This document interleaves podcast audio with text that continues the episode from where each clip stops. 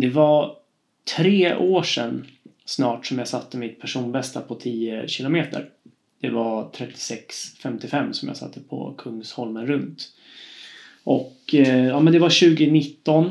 Eh, min fru var gravid då med vår första dotter så jag visste att eh, i januari då 2020 om allting gick som det ska, vilket det gjorde, så, så skulle jag få mitt första barn och efter det så skulle det sannolikt bli ganska eh, sparsmakat med eh, träning tänkte jag.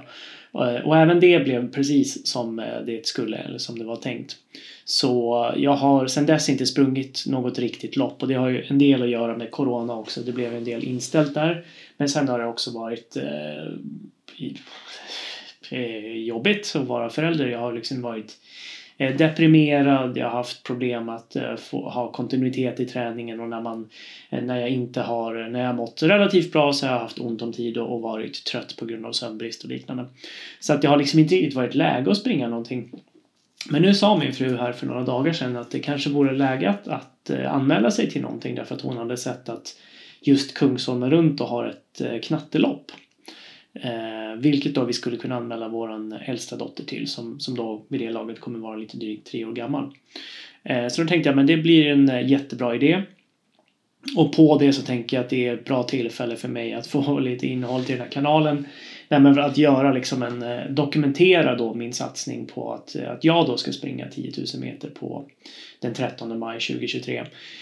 Eh, dels då därför att det är bra för mig att eh, lägga upp någonting offentligt och verkligen liksom sätta press på mig själv och genomföra den här satsningen. Men sen också för att jag håller på och skriver en bok nu. Och det vore bra att eh, dela med sig av de sakerna som jag har lärt mig om hur min kropp fungerar sedan jag började springa och vad jag har lärt mig om löpning sedan jag började läsa om det. Eh, och liksom det innehållet som jag skriver om i den här boken för det är väldigt mycket riktat till hur man förbereder sig för just den här typen av satsning då. Eh, vilka analyser man behöver göra och vad man behöver tänka på när man ska lägga upp sin träning. Så det här kommer inte bli att jag liksom efter varje pass så får ni en flåsig video om hur det gick utan det kommer mer bli någon form av vecko, veckovis summering av hur träningen har gått. Eh, och sen så då lite, lite tankar kring hur jag lägger upp träningen och hur jag tänker med varför jag, just jag tränar som jag gör och sådär då. Eh, och det kommer vara ganska mycket utifrån det som jag skriver om i den här boken så att när jag då springer det här loppet eh, den 13 maj då är tanken att den här boken ska finnas ute vilket då även blir väldigt bra reklam för den då förhoppningsvis den här eh, grejen. Men den första delen i den här satsningen som jag tänkte att jag skulle prata om idag det är liksom ramverket för mitt träningsprogram. Alltså hur det kommer att se ut. Och det baseras inte på att jag vill bli så bra som möjligt som det egentligen var då 2019. Då är min tanke då att jag skulle sätta mig ett pers då inför att det liksom skulle bli väldigt svårt att göra om det under den närmsta tiden. Eh, utan nu är det snarare så då att jag kommer ha givna ramar utifrån hur mycket tid jag har, och hur mycket ork jag har och vad jag behöver göra i övrigt helt enkelt. Och jag får anpassa utifrån det. Vilket kommer innebära att det blir två, kanske ibland tre löppass på en vecka.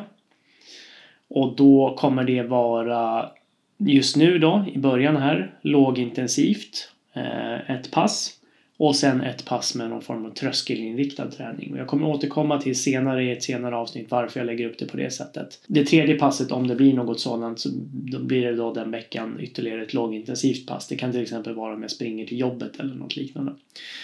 Eh, sen så kommer det oftast varje vecka vara att eh, jag cyklar Eh, och då blir det på min eh, cykel inomhus som är här bredvid mig och då kommer jag köra på Zwift.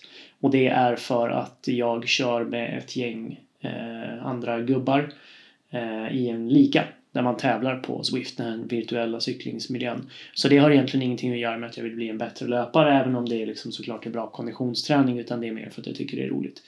På det så kommer jag lägga till åtminstone ett par styrketräningspass i veckan där jag kommer att fokusera på benen. Även där kommer jag gå in mer på hur jag kommer att göra. Men troligen så blir det ganska mycket explosiv träning som jag kommer att ägna mig åt där. Eh, så att jag kommer att återkomma till det här med hur jag tränar och eh, hur jag lägger upp det beroende på vad jag ligger till i liksom tidsmässigt i satsningen och varför jag väljer det utifrån hur min kropp fungerar och sådär.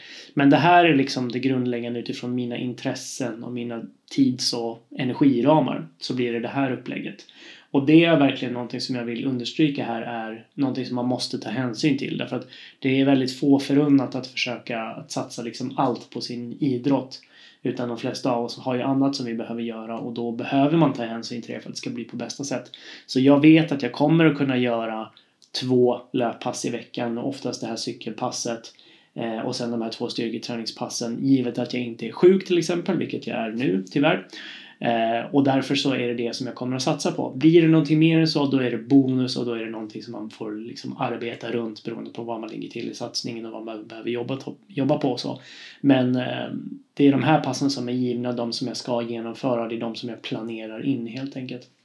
Sen är det ju så det är inte liksom eh, så att jag vet att jag kommer kunna göra det här på lördag och onsdag eller någonting som jag tänkte tidigare eh, i livet. Utan nu kommer jag få behöva vara flexibel på vilka dagar jag gör det här. Jag kanske inte kommer kunna ta hänsyn till hur, hur återhämtad jag är eller hur bra jag har sovit eller så. Utan har jag tid att göra ett pass så, så ska jag banka in det passet. Det kommer liksom bli så.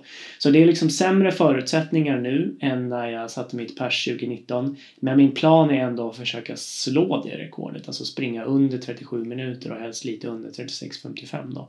Och det är ett väldigt högt satt mål på eh, de här lite drygt fyra månaderna då som jag har på mig. Men det är ändå någonting som är, är liksom sporrande och någonting att sikta mot.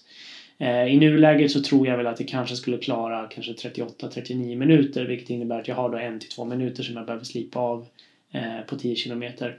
Och det är tufft men det är görbart och man ska också veta att när jag satte det här rekordet då sprang jag bara kanske 2-3 mil i veckan och jag tror inte, jag kan inte minnas att jag styrketränade särskilt vettigt på den tiden.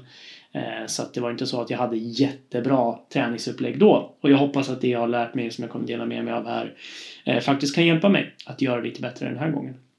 Så utöver liksom det vanliga innehållet som kommer här där jag pratar om forskning och liknande så kommer jag lägga upp liksom lite uppdateringar om hur det går och hur jag tänker kring träningen eh, på ett sätt som jag hoppas är användbart för, eh, för ni som tittar på det här och lyssnar på det här.